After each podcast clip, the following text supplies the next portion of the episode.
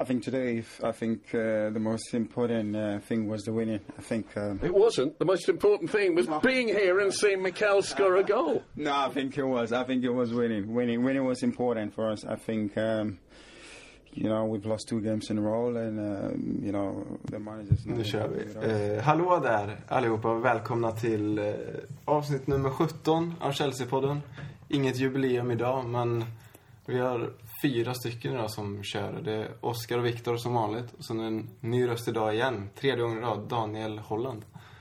Välkommen. Tack. Hej, hej. Eh, jag är 27 bast, eh, uppvuxen i Stockholm eh, och har en eh, skotsk pappa som är på Celtic. Jag vet att kanske många, många är från Chelsea, Sweden och eh, även England såklart som gillar Rangers. Men ja, jag är från den andra sidan så att säga.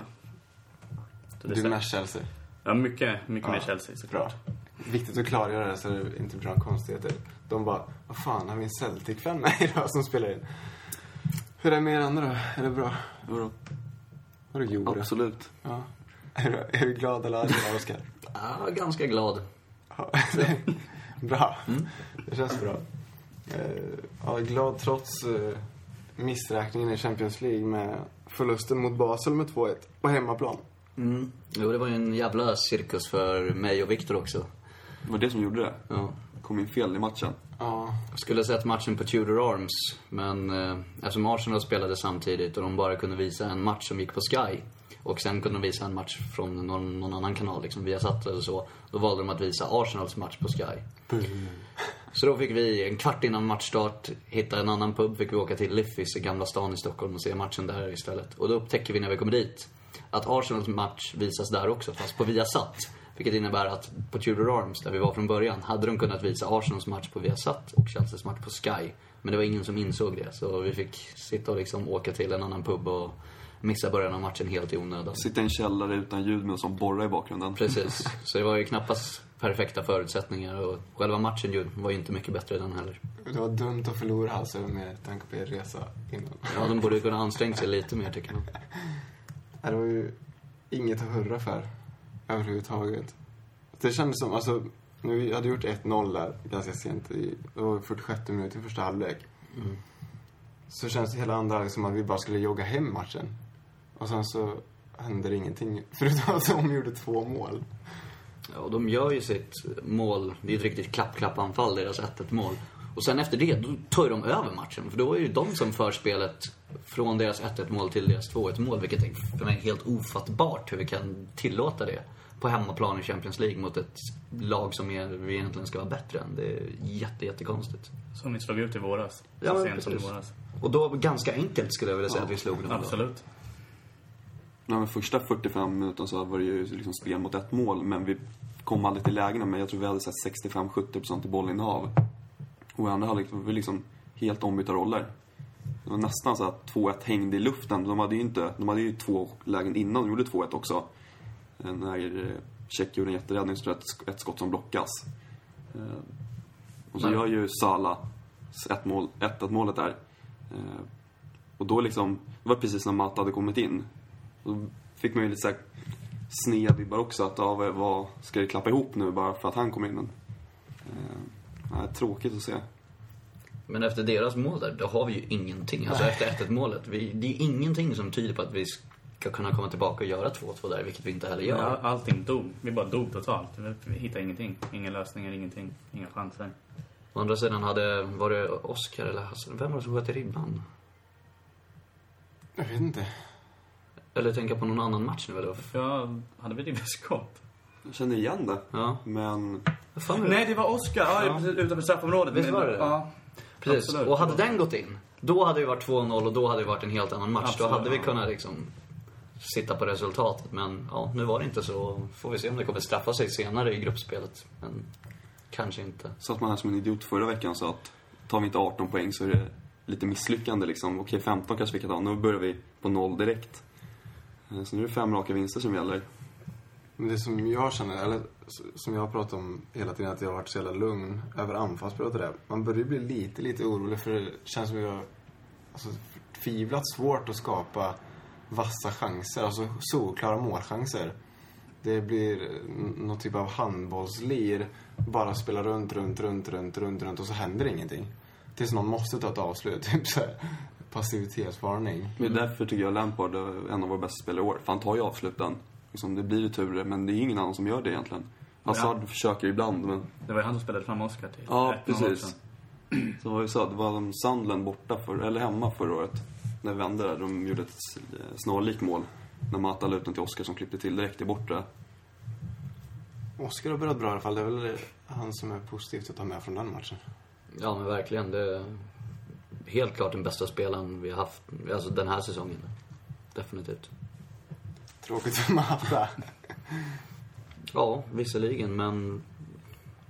Är man till alltså de som är bäst ska ju spela och Ja. sen kanske Mata borde få spela lite mer ändå, men han ska ju definitivt inte peta Oscar så som det är nu. Nej, men det håller jag med om att Oscar ska ha sin plats. Och sen har väl Hazard nu kanske inte varit jättebra ute på sin vänsterkant. Så att där finns det en plats till förfogande. Och samma sak på högkanten, där har vi inte ens någon fast idag egentligen.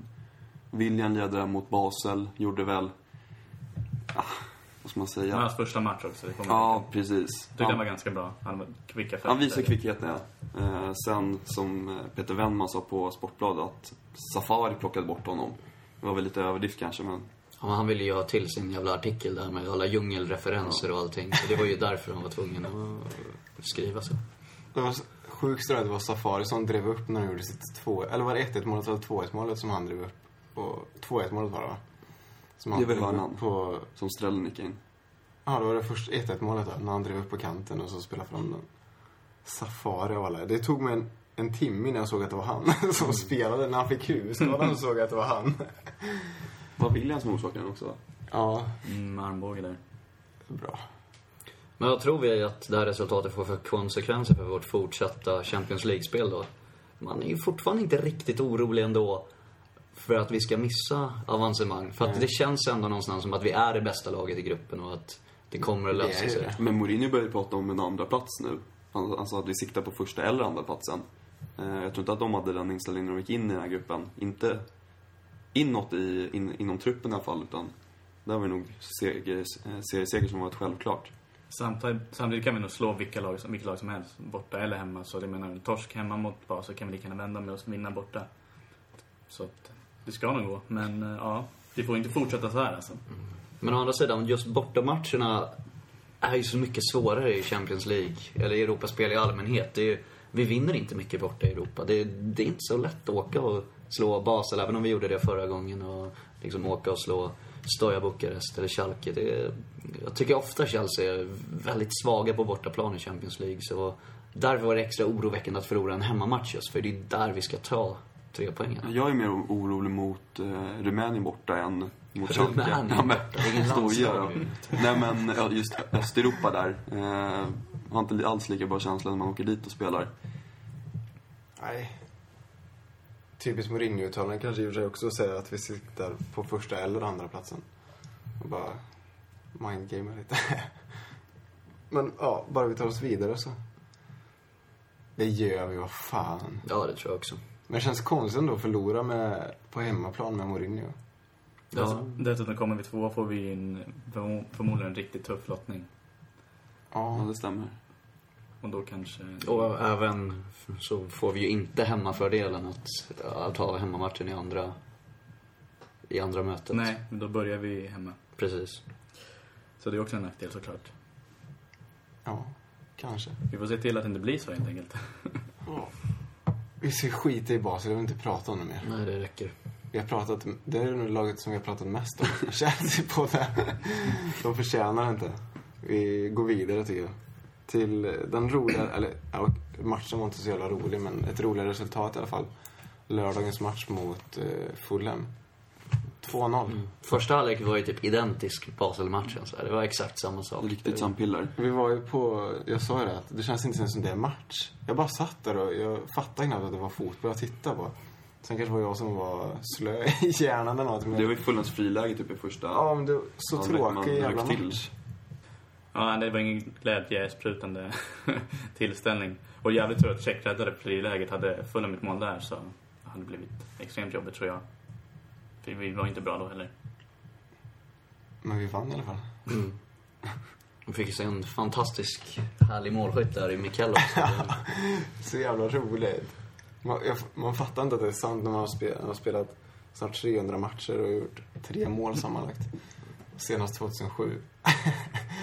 det är det sjukaste som... Alltså, jag fattar inte hur man kan spela fotboll så länge som mittfältare och aldrig gjort mål.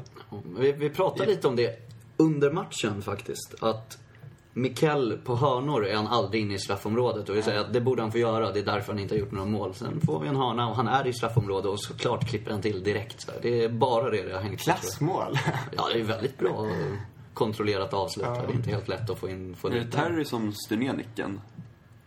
Kanske. För mig att han står inne vid straffpunkten ungefär och skarvar den lite bakåt. Ja, det var nog inte medvetet. För så här, då hade han ju siktat mot någon annan istället. Men vad har han gjort för mål? Det är väl ett i ligacupen, Mikael alltså? Två i FA-cupen bara. det FA-cupen båda? Och sen hade han ju ett bortdömt mot Shakhtar förra året. Då vid han hade massa chanser i den matchen och han hade ju... Sköt som fan. Men han drar sig inte från att skjuta. Nej, men oftast så går det ju rätt åt helvete rent ut sagt. Och två andra uppseendeväckande saker den matchen var väl att Louise satt på läktaren med Mata. Utan att hon var skadade dessutom. Det är också en ganska tydlig markering från en tränare att sätta de två spelarna på läktaren. Speciellt när det är de två som det snackades väl om i somras, att det var de som inte riktigt kom överens med Mourinho och de som var på väg bort från klubben. Om de sen sitter på läktaren nu i en, ja, i en ligamatch, det är ändå ja, lite oroväckande faktiskt. Louise var ju mer väntat att han skulle sitta på läktaren, för han har ju spelat två matcher nu va? Eh, Och inte varit jättebra. Han har ju varit en tvåa på en femgradsskala ska vi säga. Så att han är liksom, Cale har ju varit bra, Ter- Terry har varit bra, så det var inte... Okej att han inte är med på, på bänken allt, men jag tror vi bara hade en back på bänken. Ja, det var bara Aspel- Aspelizveta. Ja, precis. Och sen var det väl SCN också som får väl ses back. som utfallet, men ingen mittback. Då är det för sig konstigt att han inte får vara med i truppen. Men det bekräftar att han inte är skadad. Jag vet, jag vet bara, jag såg bara den 23, äh, 23, 23 mannatruppen Alltså som kunde, kunde, kunde vara med till matchen. Och där var han ju med, där var ju alla med. Mata också, Dembaba. Så att, jag har inte hört någonting om att han skulle vara skadad. Nej, precis. Jag har inte heller hört att han ska vara skadad. Det är Nej. därför... Nej men det är väl det som Mourinho jobbar ju så. Han har jobbat så i tidigare klubbar. Han brukar peta, men kolla han petar Iker Casillas i Madrid också. Så att, han är inte rädd för att peta någon. Nej. Nej, det är väl egentligen bra för att, som jag sa tidigare, de bästa ska spela. Men sen är det klart att man, man blir ju inte som supporter nöjd när ens favoriter petas sådär och när man kanske tycker att det är lite smått omotiverat också. Då, Ja, men så var det med han eh, ordentlig anledning. Matt är ju fortfarande väldigt luddigt. Lys är också luddigt. Vad är det som sägs om Mata? Varför, varför får han inte spela? Att han är trött, har jag hört. För att han har spelat i OS förra året hela sommaren och Confederations den här sommaren och han har aldrig fått eh, eh, vila ordentligt under en försäsong. Han var småskadad där i början i USA. Missade de första matchen när han väl hade kommit dit. Och sen så hade han ju problem med matchtempot, sa han. Eller han hade med knät, va, tror jag, som inte var helt fit i den första matchen mot Aston Villa där. Men alltså sen dess så... Men så trött är de ju, spelar ju, det enda de gör på dagen är att spela fotboll. Man kan inte vara trött. Det är omöjligt. När han inte ens har spelat någonting. Han kan inte vara sliten nu. Nej, nu är det... Det, Nu sägs det väl att han har svårt att anpassa sig, enligt Mourinho. ja. Eller att Mourinho inte har hittat någon plats till honom än. Mm. Det är det är ju skillnad om vi hade spelat briljant hela säsongen och liksom vunnit varje match med 4-0 och sådär. Men nu har ju inte anfallsspelet varit så himla bra. Vi har ju svårt att skapa målchanser och komma till bra lägen. Då tycker man ju verkligen att han borde få, få spela, borde få Ja, chansen. Absolut. Jag har tänkt på precis samma sak. Att vinner vi liksom, då är det väl skitsamma egentligen vilka som spelar. Men nu när vi har problem med både göra mål och skapa målchanser, det är ju där han har varit som bäst. Eh, ja, Men vad tror ni till exempel som om Schur- Schurle som var inte, han var inte ens med mot Basel, inte ens på bänken. Och sen går han in, alltså fe- tre, fyra dagar senare går han in rakt in i startelvan. Blir inte det konstigt för spelarna att inte riktigt veta från vecka till vecka? Eller då, tre dagar till tre dagar? Det var det vi pratade om lite förra gången. Att det, kan vara anledningen till att det hackar i anfallsspelet. Att det inte är några samspelta spelare. De fyra sista är alltid olika. Nu har ju två startat tre matcher i rad, men om det som sagt, om man har tre olika konstellationer bakom sig varje match så, så kan det ju bli lite svårt. Jag håller definitivt med. Ja, något annat att ta med sig från Fulham förutom Mikaels mål? Ja, det är väl främst det. det Och är tre riktigt poäng. härligt och kul att se. Alla blev så här superglada. Det var ungefär som när Makelele gjorde sitt första mål på straff, straffretur mot Charlton 2005. Det var samma man ser att alla vet att det, ja, det här är en spelare som har saknat ett mål. Varför har han inte fått lägga någon straff i någon så här helt oväsentlig match? Typ Villa förra året. Vi hade 7-0. Och då Persson, Persson la Ja, missar. precis. Varför slänger man inte fram en sån snubbe då? Det Eller vill han man kanske inte vill göra mål på straff liksom? Det kan ju vara så. Han, var det inte han som brände straff när vi åkte ur någon cupmatch någon gång? Mot typ Burnley när vi åkte ur ligacupen hemma mot dem. För typ 2008. Då har jag för mig att det var han som missade sista straffen. Stackarn. Ja. Inte ens på Bra straff i målet. ja. Jag är inte helt säker, men jag har för mig att det var, att det var han som brände den. Jag tyckte också att det var kul att eh, 1 målet att det var ett riktigt krigarmål. Alltså, så här, det studsade vår väg. Det är inte så ofta jag tycker personligen vi får sådana mål. Vi sa ju det, att det är To som står framme och hugger på första skottet tror jag. Torres hade liksom varit borta vid hörnflaggan. Han hade varit, inte- inte ens varit där och skapat läget. Det var ett riktigt Stoke-mål. Ja, eller hur? Precis. Sådana behövs de också. Bara vi gör mål så fan, in med bolljäveln bara. Nu när vi har så jävla svårt att, att komma till klara lägen. Jo, precis. Det var ju det som var väldigt skönt. Trots att vi inte gjorde en jättebra match så fick vi ändå tre poäng och... Ja, men haka på i toppen och... Ja, United tappade på söndagen. Visserligen mot City så Ja. det var väl inte enbart positivt men... Men det är alltid kul att se när det går åt helvete för United. Ja, visserligen. De blev ju totalt avklädda också. Ja, Och det, det var nice. skönt. Van Persie skadad. Hoppas vi att han är långtidsskadad. Det vore skönt. Men vad fan, vi lämnar väl eh, Fulham-matchen också kanske? Ja, passa på att ge en liten, liten känga till Fulhams fans också som trots att det är den, liksom deras lokalderby, deras största rival, så var det inte i närheten av att de sålde ut sin, sin tilldelning. Det, Fy fan vad dåligt. det är dåligt faktiskt. Det, även om det är dyra biljetter och så vidare så, ja, så är det ju för alla och på de flesta arenorna också. Så, Då får man prioritera. mm, så det är underligt. Det jag säger är återkommande tema, läktaren. Mm, hela, den är- här, hela den här säsongen. Viktigt. Men eh, innan vi... Eller innan vi går vidare, vi ska gå vidare. Till eh, våra kära lyssnare som har skrivit in förslag på vad vi, eller vad de vill att vi ska snacka om. Så vi börjar väl. Thomas skriver just det att någon alltid måste offras eh, av Mourinho. Förra gången var det Cole, i Real så var det Casillas och eh, nu Mata. Är det så att någon alltid måste offras? Är det ens en fråga?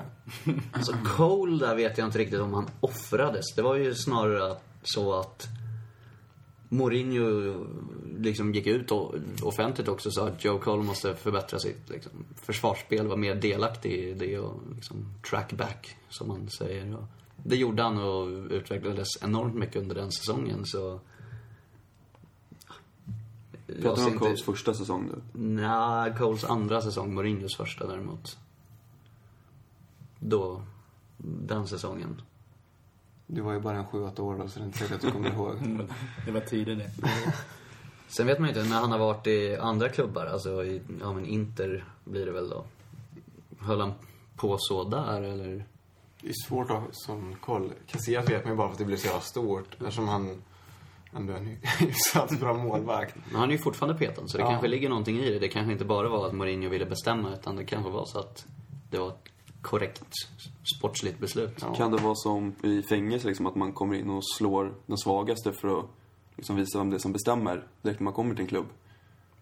Skulle Mata vara den svagaste Nej, men typ, eller liksom, liksom, han måste markera på något sätt att det är här jag som bestämmer. Och nu tar en Mata som var bäst, bästa spelaren förra året och säger att han är inte så jävla bra. Ehm, men då är ju huvudsaken att man får resultaten med sig. Annars står man där med en dumstrut på huvudet istället. Jag Har tror du fängelseerfarenhet förresten? Jag, jag trodde jag kände dig. Men f- frågan är alltså, måste Mourinho gå in och visa vem som bestämmer genom att göra något sånt? Nej, jag trodde det var rätt solklart. Han borde ju ändå ha den makten och alltså den pondusen så att kunna vara bossen då utan att behöva ta till såna där fängelseknep. Ja, mycket möjligt. Det kan ju ligga, som man vet, vi vet ju inte allt som händer heller. Det kanske finns någon, någonting som skaver mellan de två bara helt enkelt. Men det är också ganska enkelt. Vi har sex stycken på de tre offensiva platserna. Då måste tre stycken vilas. Och man kan inte ha tre på bänken heller. Det blir väl oftast två. Ja. Ja. Men det är väl mest för att Mata var så bra förra året. Som vi inte, vi fans inte riktigt förstår. Ja, han är ju verkligen en publikfavorit som är jätteomtyckt. Så det är ju, ja, som du säger, då märks det ju mer. Och han har, har varit vår bästa spelare i två år i rad också. Så. Ja, konstigt. Vi får se vad framtiden visar helt enkelt. Jonas tycker vi ska diskutera Fulham, men det har vi väl gjort ganska mycket tycker jag. Eh, Ola, Oskar berättar. Kanske lite mer CFC-historia. Kultmatcher, spelare, händelser i samma anda som det grymma Casher-reportaget. Oavsett kommer jag lyssna... Ja, det var ingen fråga egentligen. Jag kanske började läsa för tidigt. Eh, Tack Ola. tack Ola. En uppmaning. Mm. Oskar tar till sig din information, eller di- ditt förslag här, så får han komma med något, något bra nästa gång.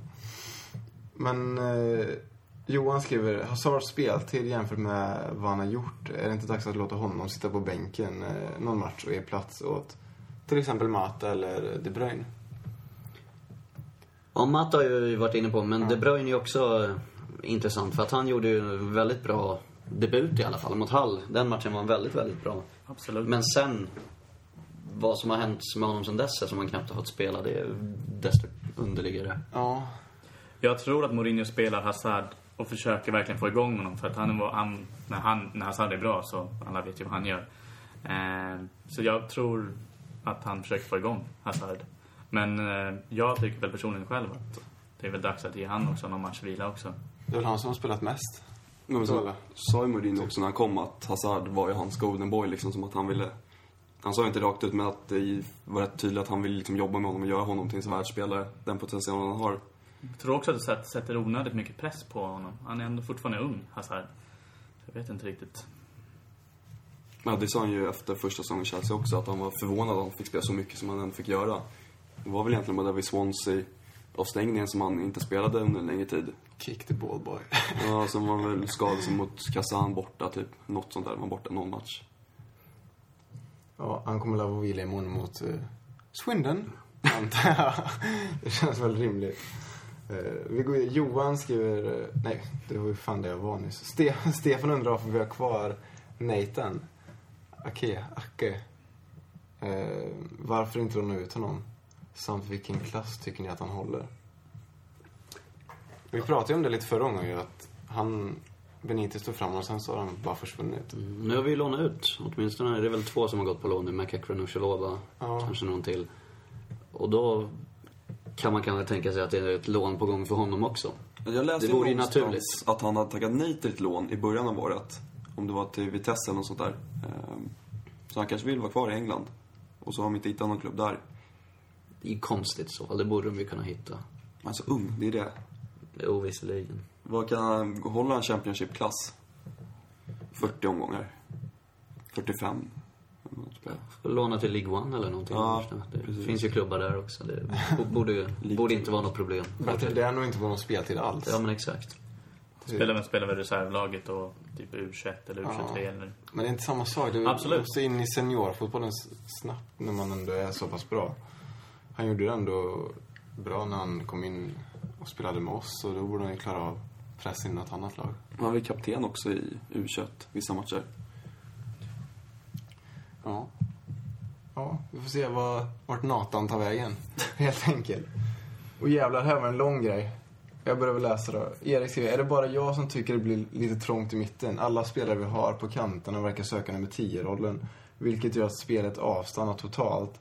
Sen att vi inte har någon forward som är kapabel att suga åt sig höjd eller andra långbollar gör att variationen blir lidande. Jag tycker vi måste spela rakare och med mer fart. Vi har för många lika spelstilar inne på plan samtidigt. Håller ni med om det? Det är väl det vi pratar om lite också. Vi har svårt att skapa chanser och att de tre spelarna är väl ganska lika varandra. Ja, blir det så att de tar ut varandra på något sätt och lite som han Erik här är inne på att de kommer i vägen för varandra om de söker samma ytor och samma position. Det är Det ett problem. snack om det i mitten av förra säsongen, att de tog ut varandra. Eh, men som eh, Coles och Hazards samarbete på vänsterkanten fungerar, då tycker jag de överlappar bra med varandra. Det är väl just där i mitten när, de, när det blir tre offensiva mittfältare på samma boll plus någon bakifrån oftast. Att det kan klumpa till så och se jävligt slött ut liksom. Vi saknar ju bredd på högersidan eftersom att eh, Aspeloseta är ju mer van att spela högerback och håller bättre bredd än Ivanovic till exempel. Så jag hade gärna sett att Aspi får chansen på högerbacken mot Ivanovic på eh, backen, mittbacken där. Det är konstigt att han inte har fått spela alls. Nej, Inte en enda minut. Jätte, jätte han har ju en grym inläggsfot också, Aspeloseta. Jag vet många bollar till Andreas favorit Torkes. Torkel. Det har hänt några gånger nu. Nej, men så att... eh, Ja, det är klart det blir trångt i mitten, inget snack om saken. Jag menar, vi har ju fem spelare där. Sen så har vi en forward som inte är en target, utan för han lånade vi ut i Lukaku. Som gjorde mål också, för Everton i sin första match. Men, eh, nej. Snyggt mål. Ja. Och Eto'o hade ju ett läge mot Fulham i första halvlek, kom inlägg från höger där och som en sån chans som, alltså den typen av anfallare som han är, de ska bara sätta dit den. Och det var ju sådana mål han gjorde mycket i Barcelona, eller i varje fall mot Chelsea gjorde han ett liknande mål en gång. Att det var något inlägg som han bara var fram och högg på. Mm, fram i tån. Precis. Eh, det är väl sådana mål han ska göra. Han ska väl inte ta emot den på bröstet utanför straffområdet och dundra som Drogba gjorde kanske. Nej, Det utan är han inte är riktigt hans nej, han, grej. är, han är ingen target direkt. Nej. eh, mer måltjuvsaktig. Ja, Och till och med Mikkel har ju gjort fler mål än våra anfallare. det... Fy fan. Men om nu Eto'o hade gjort mål i sin första match mot Everton, när han hade öppet mål, mer eller mindre. Och nicken. Så, så, ja, precis. Nicken innan här, precis efter bara några minuter. Hade kanske varit, sett helt annorlunda ut med Eto'os form och sånt. Så det är så mycket självförtroende. Speciellt på forwards. Ja, det gäller att de kommer igång. Men Toa har väl varit ungefär lika bra eller dålig i alla matcher nu. Det var första mot Everton som jag tycker han är lite bättre för att, just för att det är första matchen. Eh, Men sen har jag hållit samma nivå ungefär. Han kanske får spela imorgon då mot eh, Swindon för då, då är det ju ändå ett lite sämre lag än vad vi har mött hittills och få igång målproduktionen mot ett sämre lag. Det kan ju vara någonting också. Istället för att lira Dembaba eller någonting Men, men hur länge ska han få chansen då? Alltså, vi har ju två anfallare till. Man kan inte... Varje match tills han gör mål. Ja, precis. Det ser ju galet ut. Det kanske är det som behövs. Ja. Han är ju, de är ju, de är inte lika bra, de är lika dåliga alla tre känns som just nu. Ingen är i slag, helt enkelt. Ja, men så är det ju definitivt. De gör ju inga mål. De är ju inte, de är inte tillräckligt bra just nu. Synd. Vi går vidare till Nick. Eh, tycker att vi ska spekulera lite i Chelseas facit eh, så här långt. Två vinster, kryss borta mot United. Eh, kryss mot eh, Bayern München. Ja, förlusterna. Everton torskade vi. Eh, som vi alltid haft små, svårt mot. Och sen så... Eh, hans fråga är väl egentligen om vår öppning är så dålig egentligen som vi har fått kritik för. Sett till poäng och sånt. Det är ju skönt om man hyllar City för deras öppning. När man har lika många poäng som oss. Och inte haft speciellt mycket svåra lag. Mm, Det är för att de har två spektakulära segrar där mot Newcastle i premiären och sen Ja. ja, imponerande vinst mot United där också. Men jämfört med exempelvis United så har vi ju startat säsongen bra. Det känns bra.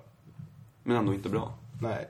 Hade vi vunnit mot Basel hade vi haft två raka nu också. Då hade det kanske varit lite en annan tongång också på folket. Och jävla tur vi vann mot Fulham i alla fall. Annars hade det kunnat bli lite jobbigt. Ja, tre då. Eller det har ju varit ännu fler utan vinst. Det har ju varit hur många som helst. Fem raka utan vinst har det blivit då. Inklusive Bayern München och det där. Ja.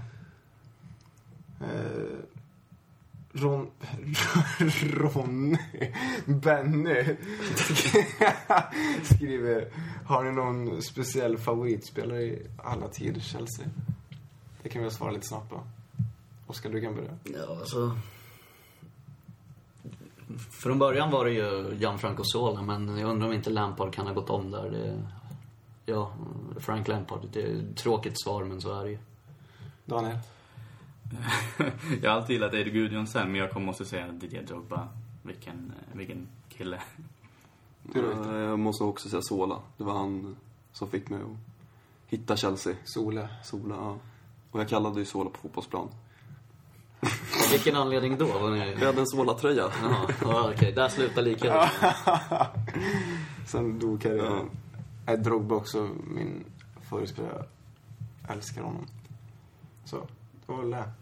Vi tagit upp allt alla ville. Förutom Linus som skrev att Chelsea är för dåliga för att vinna Premier League. Det vill jag inte ens ha med.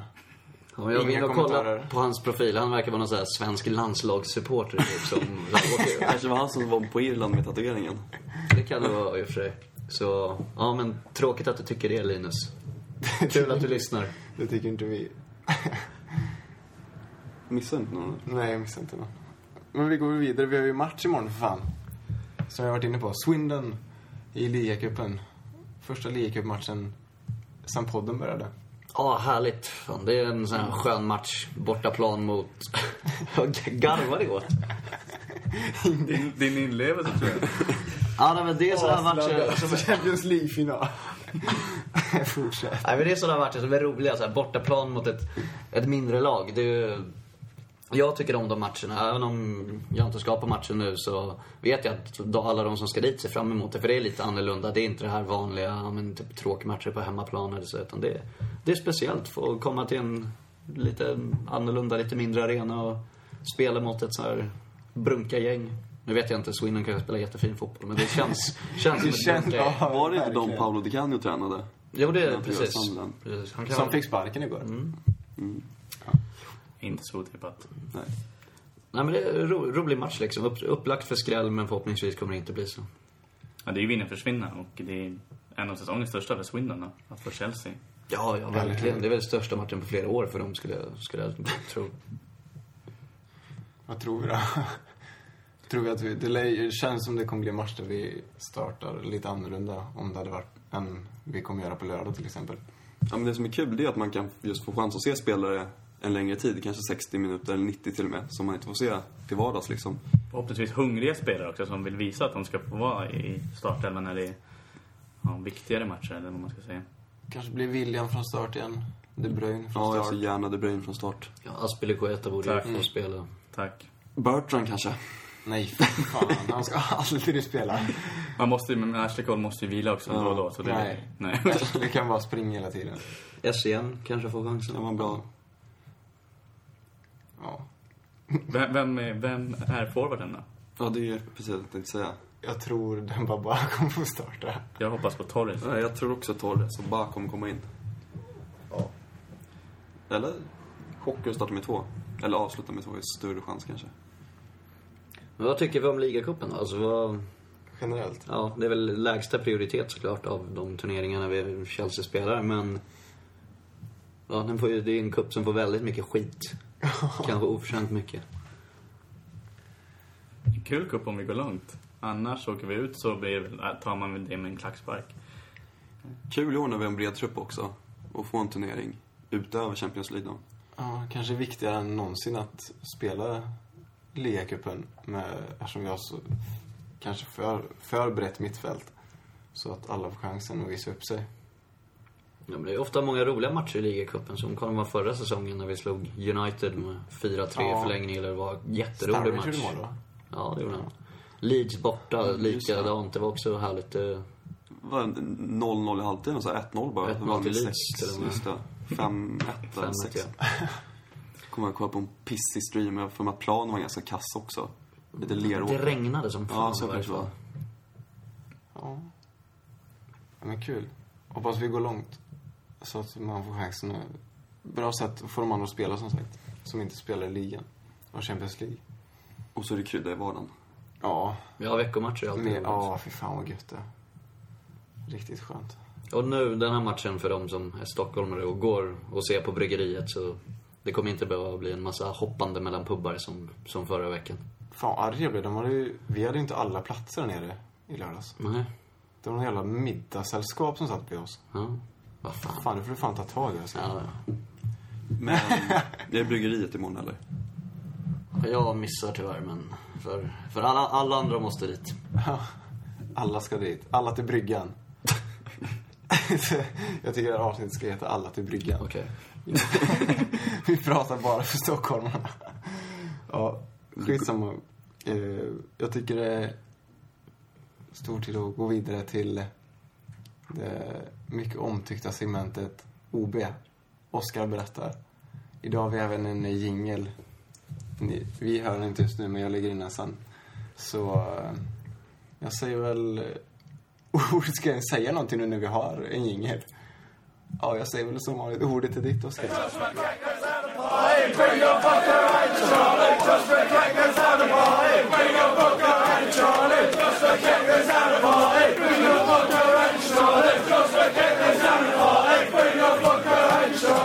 Tack. alltså. Tack, tack. Ja. Eh, jag kan börja med att tacka för eh, det beröm som det faktiskt har kommit in lite om eh, förra veckans Oscar berättare som tydligen var omtyckt. Det är roligt att höra.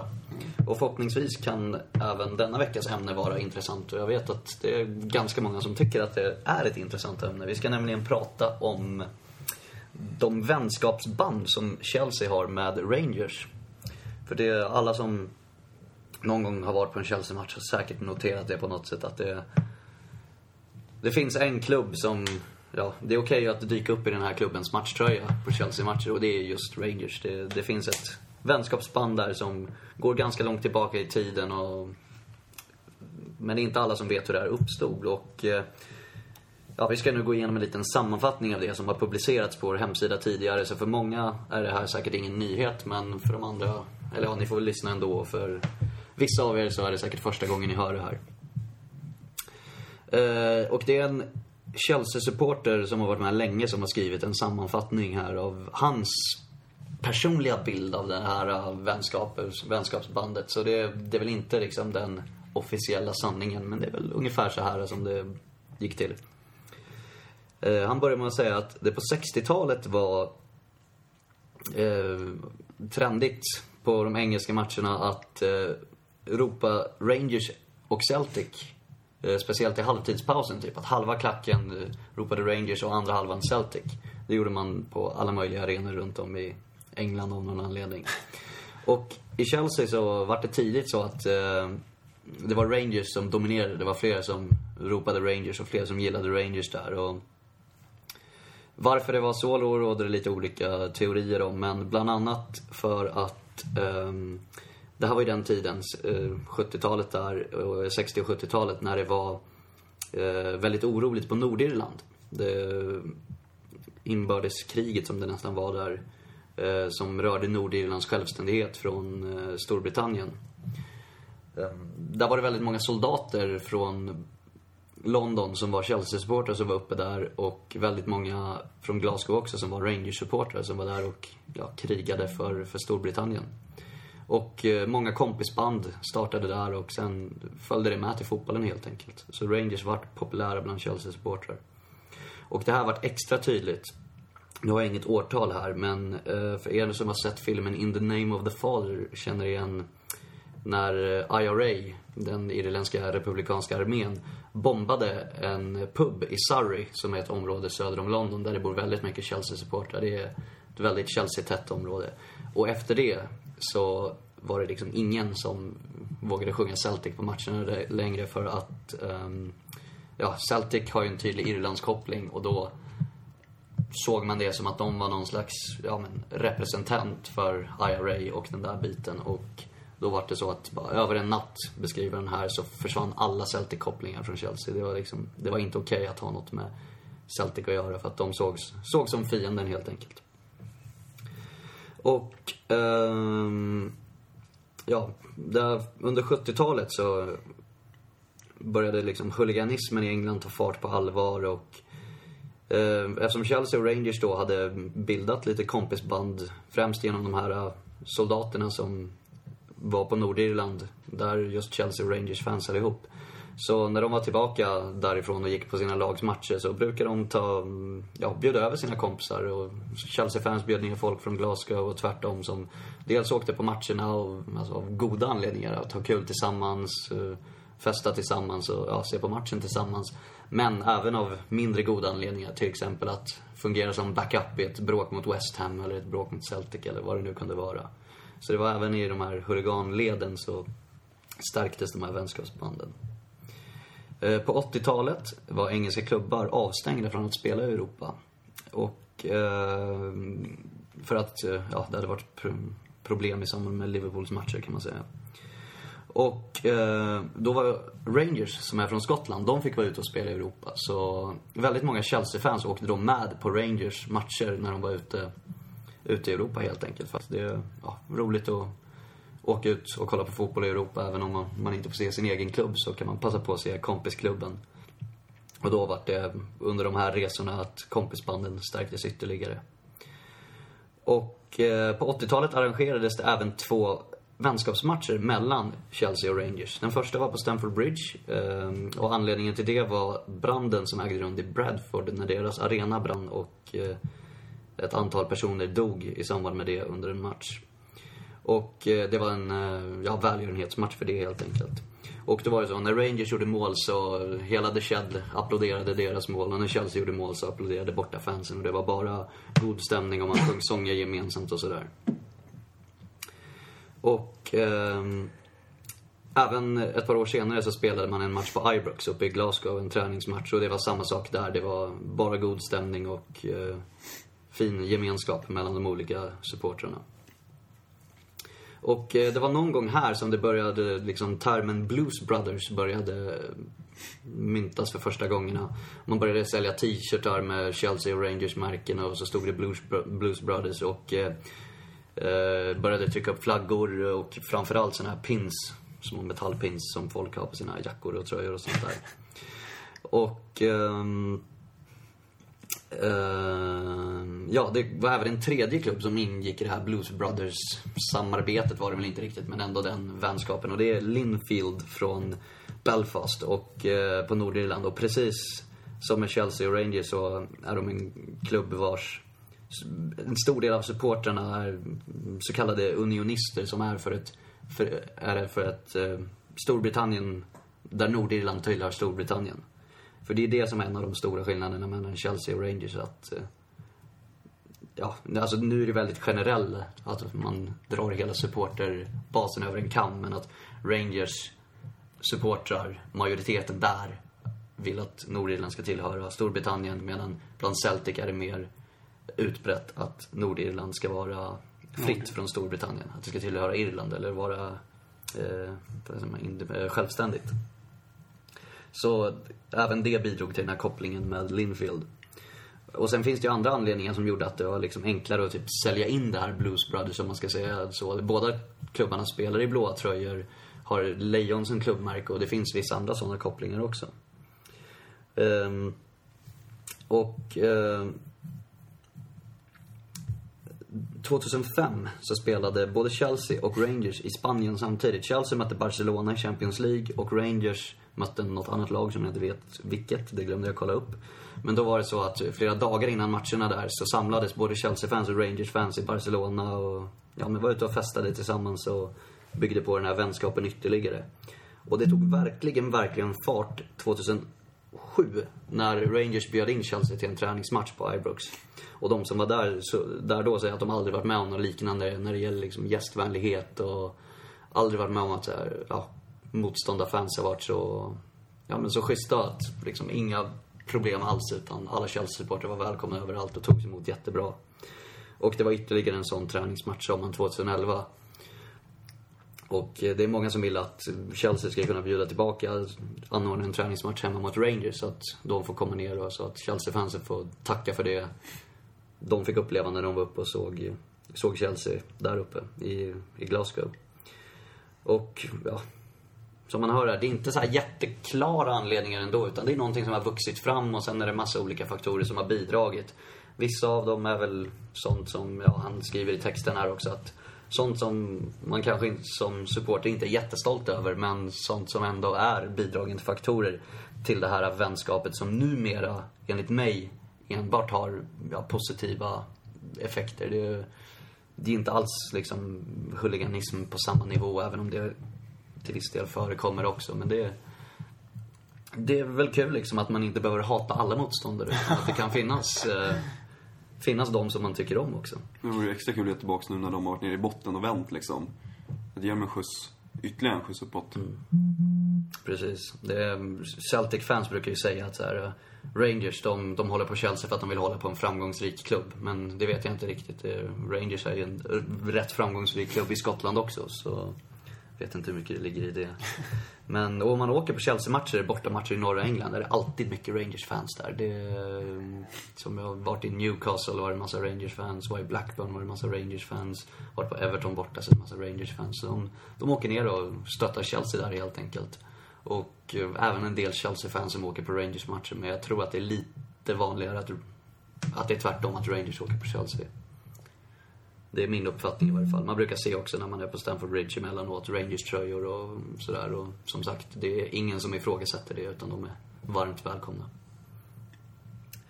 Så jag vet inte om- vad ni har att säga om det här.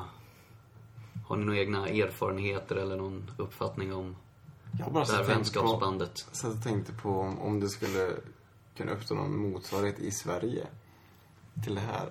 Det känns så jävla otänkbart bara. Ja, saken är att de, Chelsea och Rangers är ju, det är ju trots allt två olika ligor. Ja, det finns ju sannolikheten att man ska mötas i en tävlingsmatch och att det då kan uppstå en lite jobbig så Mm. här, situation. Den är ju rätt liten. Det är om man möts i Europa. Jag tänkte på typ Sverige-Norge, Sverige-Danmark och sån här skit. Mm, ja. Tveksamt. Har inte Djurgården något så här tramsigt samarbete med West Ham? Nej. Alltså det finns ju såna där på liksom, väldigt småskaliga, att det är några stycken från respektive klubb som åker på varandras matcher och så, men det här är ju ändå utbrett. Sen är det många Chelsea-supportrar, ska man tillägga, som inte gillar det här Rangers-kopplingen. De tycker liksom skit i Rangers, det är bara Chelsea som betyder något. Så vissa som är lite anti, men det är väldigt många som tycker om det också, som omfamnar det och tycker att det är någonting positivt som de vill föra vidare. De flesta det- är positiva. Ja, så det är lite blandat. Och, vi, och vissa bryr sig inte alls. De är helt neutrala till ja, vare sig varken bu eller bä. Bra. Men du, Daniel, har väl lite rötter där uppe och är ju en av de få som håller på Chelsea och Celtic. Så berätta gärna lite om det. Det är intressant. Jag vet inte. Jag är ju som sagt eh, uppväxt med eh, Celtic innan flaskan. Eh, pappa född i Skottland, i Glasgow, på Celticland. Hans storebrorsa är hardcore Celtic-fan. Jag har bland annat varit på San Siro och sett en Celtic-kvartsfinal. Eller Champions League-kvartsfinal. med Milan-Celtic. Vi Celtic åkte ut på förlängning. Övertid. Eh, och som sagt, han är hardcore. Min farbror. Så det var 50-årsfest här i eh, april för pappa. Och då var han här och sa det flera gånger till min pappa innan han skulle komma. Min farbror att säg ingenting, nämn inte Chelsea. För att eh, det är inte okej eh, eh där, hem, där hemma. Så att, eh, nej. Eh, men jag är en av få som är både Celtic och Chelsea. Det är korrekt. Men alltså, de vet inte om dina Celtic-släktingar, att du, att du håller på Chelsea? Nej. Vad skulle hända? Blir utesluten ur släkten. Jag vet inte riktigt vad som skulle hända. Eh, som sagt, nej, jag vet inte om, han, om man skulle slå mig kanske. Och ge mig en typ sen örfil eller Vad heter det? En lavett. Ja. Nej, men eh, nej. Det, för han är ju bara, han är ju bara Celtic, Celtic, Jag tycker att till nästa avsnitt så ringer du din farbror och säger att du är Chelsea-fan och så kommer du tillbaka och berättar om Eller vi kör, kör reaktionerna. live? Ja, det kan Ja, ring nu och Ni ska, ni ska inte förstå vad han säger. Det går inte, ja, knappt jag förstår. Men då får vi ta in en tolk som kan tolka skotskan. Ta in min pappa, det blir riktigt jobbigt. kalabalik i podden. Men det är ju ändå ett tecken på att det ligger någonting i det här äh, kopplingen mellan Chelsea och Rangers. För att hade det varit så att du hade hållit på Arsenal eller så Tottenham eller vilket annat lag som helst. Då hade det nog inte varit något problem att berätta det för... Nej, det tror inte jag heller. Men det är just Chelsea. Men det som är lite konstigt är att pappa, alltså pappa gillar inte Chelsea. Men han är absolut inte i närheten av eh, eh, vad hans bror är. Men det kan ju, alltså pappa flyttade ju till New York när han var 16 till sin stora syster. Så det kan ju ha någonting med det att göra. Att det blivit lite avdramatiserat så. Jo, det blir väl om man lever i det där, äh, liksom i Glasgow så... Då blir väl Rangers-hatet på en annan nivå. och indirekt. Chelsea, ja. Men det är annars, just bland många Chelsea-supportrar som då in, verkligen inte gillar Celtic just därför. För att, ja, det är Rangers största rival och därför ses de som, som en rival till Chelsea också. Så det var ju lite dumt gjort av klubbarna. Som de, jag förstår verkligen inte hur de tänkte när de arrangerade en träningsmatch mellan Chelsea och Rangers, eller Chelsea och Celtic på Stamford Bridge 2006. Och det var ju så här, de bad ju om att det skulle bli problem och det var väldigt mycket bråk och så kring den matchen och ja, ett så oerhört dumt beslut att ingen liksom tänkte till där innan. Det, alla visste att det skulle bli exakt som det blev med liksom massa ja, kravaller och allt möjligt. Så det var mindre smart Ja, Avgå. avgå alla. faktiskt. Nu från någonting som vi tycker om till någonting som vi hatar väldigt mycket. Fan vilken bra övergång han är. Måste bara säga det själv. Eh, Vi har ju match mot Tottenham på lördag. Uh. Det känns som säsongens viktigaste match helt plötsligt. Ja, Tottenham tycker vi inte om.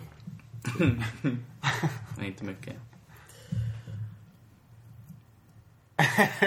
Vi har pratat så mycket, du får någon annan ta Är det, ton. det, Victor, du har varit tyst i en vecka nu. Ja. Är du förkyld? Jag är lite förkyld.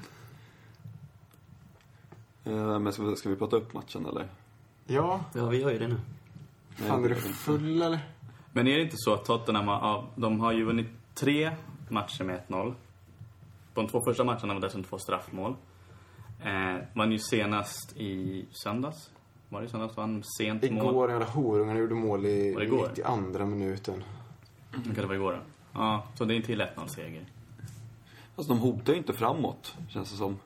Men håller vi... Det är som vi. Vårt största problem är att vi behöver få in en boll. Får vi in en boll så kommer vi bra chans på tre poäng.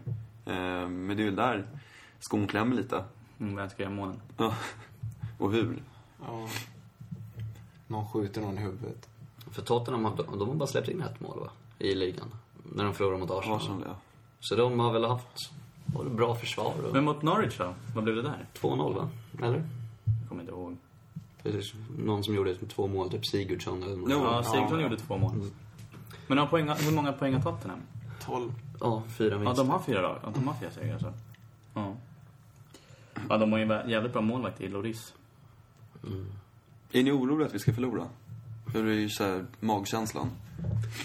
Ja, alltså Med tanke på hur det har sett ut så det är klart man är lite orolig. Ja, det är ju ingen lätt match, det är ju verkligen inte. Och det är en, alltså det är en speciell match. Det är ändå Tottenham borta. Det är en... Det är inte free point lane. Ja, det är ju tyvärr inte det längre, Längre- som det var ett tag där. Det, vi har ju förlorat ett par gånger mot dem på senare år och vi har haft det svårt. Men förhoppningsvis, det vore ju fantastiskt skönt att få trycka dit dem. Viljan avgör. Det hade ju varit Fan vad roligt. Och sen springer du och hyschar liksom Kör Tottenham. Adebayor över hela plan. Ja. Ja, den är grym alltså. Ja, men jag var mer orolig när vi hade dem i slutet av förra året borta. Eh, Hemma hade vi dem. Var det hemma? Mm. Matchen? Ja, okej. Eh, 2-2 matchen, va? Mm. Eh, ja, men inför den matchen. För att då var ju de, då var vi, vi mer i slagläge. Eh, och de var väl på väg upp fortfarande då lite grann. Eh, så att den här känns, nu ska man inte underskatta dem, men eh, nej, jag tror att vi har en bra chans på tre poäng. Eh, men man kanske behöver vara nöjd med ett kryss. Alltså det är svårt att vara nöjd med ett kryss, men ja, beroende lite på hur matchen kommer att se ut. Ja, precis. Jag skulle vilja säga, är det ett kryss har vi spelat riktigt bra. Och typ, de får ett turmål eller något sånt. Alltså det är klart det är trist, men ändå, då är vi ju nöjda för att vi har spelat bra. Ja, vi ska ju inte gå in för oavgjort på samma sätt som vi gjorde borta mot United till Nej, exempel. exakt. När det var tydligt att vi, vi nöjde oss med den poängen som vi hade när matchen började. Utan här ska vi ändå försöka vinna matchen. Tycker jag definitivt. Det som jag känner nu när spelet har sett eh, sådär ut i hela inledningen av säsongen så kan det bli någon slags vändpunkt om man skulle slå Tottenham borta och få en jävla skjuts i spelet utav det. Jag tror det kan vara jävligt viktigt också. Full fart framåt bara. Ja, det är gärna en sån här seger som liksom sätter tonen för, Ja, för säsongen på något sätt. Eller för den närmsta tiden. Som en repris på förra årets vinst där i förra hösten. Det var ju en fantastisk match. ja 4-2 En håll seger. käften-seger. det blir inte Ja, det. Som vi inte fick nu i... Nu. Nej, det var ju inte en enda riktig håll käften-seger någon av de här. Fulla matchen var inte riktigt täppa till det. Mikael gjorde ett håll käften-mål. Ja, för sig. Det, det gjorde han verkligen.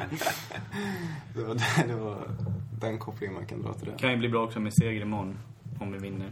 nej, men kanske det- om vi spelar lite B-lag eller vad man säger. Och sen så om vi nu vinner mot Tottenham på lördag, då är det tre raka plötsligt. Och kanske lite vinnarna, men fem, alltså. Bra inför Champions League också nästa vecka.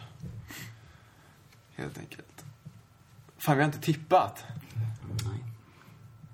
Ska vi göra det? Det är klart vi ska. Det var ingen som hade rätt på, någon, på förra veckan, eller? Jag har för mig att Gustav sa 2-0. Nej, det sa han inte. Nej, jag tror inte heller.